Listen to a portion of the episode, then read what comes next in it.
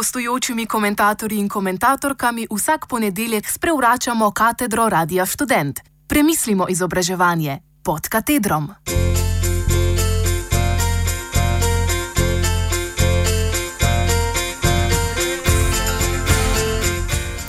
Sodelovanje in povezovanje.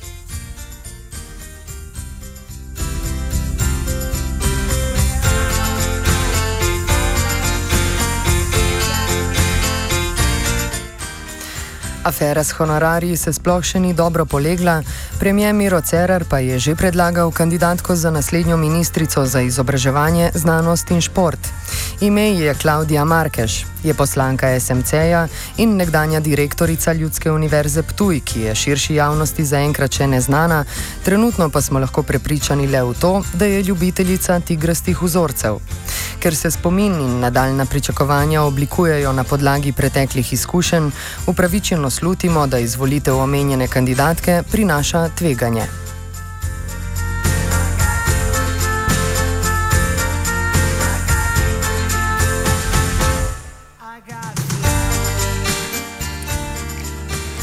Zakaj torej ravno Klaudija Markeš za bodočo ministrico?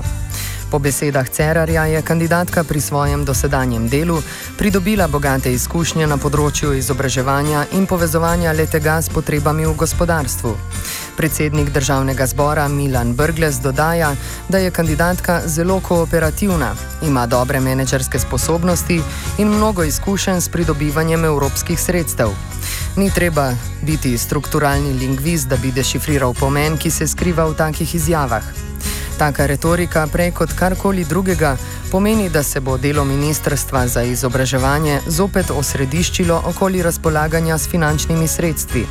Ker se je za Klaudijo Markeš premije odločil brez obotavljanja, je slednja več kot očitno podporit, podpornica Cerar Mramorjeve politike krčenja proračuna, namenjenega šolstvu.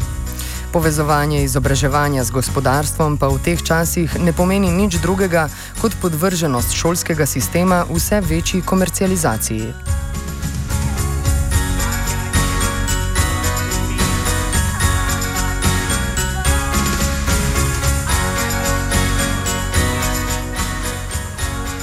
Da bi diskurs o dobrih menedžerskih sposobnostih lahko bolje razumeli, si moramo razložiti, kaj vse je Klaudija Markeš počela na Ljudski univerzi Ptuj. Novinari dela, pardon, dnevnika zapišajo, da so zaposleni na omenjeni ustanovi odkrili, da je med letoma 2004 in 2014 Klaudija Markeš kot direktorica Ljudske univerze Ptuj ustanovo oškodovala za vsaj 100 tisoč evrov.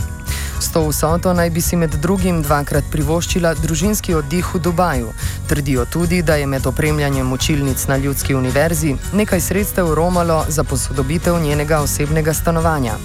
Zaposleni naj bi nepravilnosti opazili lansko leto in lansko leto Markeš postavili ultimat, naj zapusti univerzo. Kazensko je niso ovadili.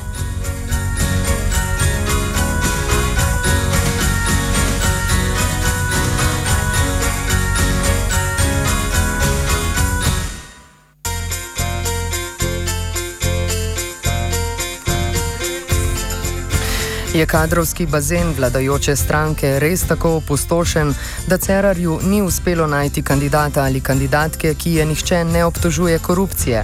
Ali pa je za vlado popolnoma nepomembno, kdo greje ministerski stolček, saj se tako ali tako ve, da je Ministrstvo za izobraževanje zgolj podružnica Ministrstva za finance? Mogoče so obtožbe, ki letijo na Klaudijo Markeš, zgolj plot nevoščljivosti in je kandidatka res primer poštene deloholičarke, kot se je v preteklosti tudi sama že označila. Markeš je očitno najboljše, kar SMC trenutno lahko ponudi, in zdi se, da ima ta ista gospa kar preveč skupnega z bivšo ministrico.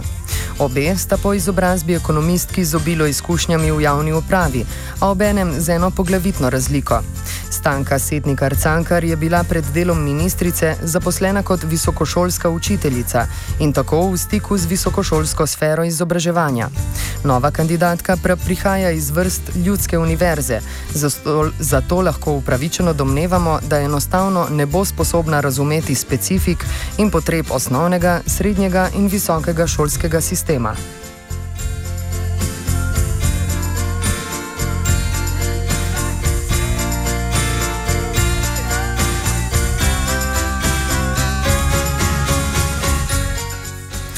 Velja omeniti še, da je bila Markeš lansko leto zaposlena tudi v podjetju RM Vuk Holding, ki je bilo ravno takrat pod drobnogledom nacionalnega preiskovalnega urada zaradi suma gospodarskega kriminala. A lik Klaudije Markeš tako ali tako ni nič novega. V stranki modernega centra imajo že odnegdaj težave z nepojasnjenimi honorarji. V strahu pred desno vlado pa so voljivci pred državno-zborskimi volitvami bili pripravljeni marsikaj spregledati.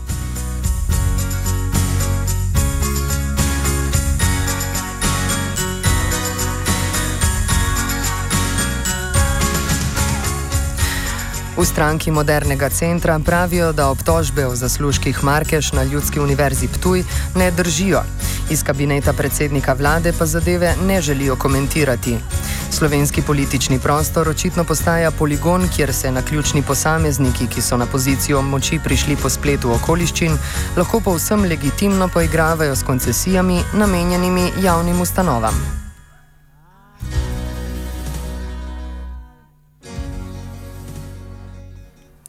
V vlogi komentatorke je debitirala Staša.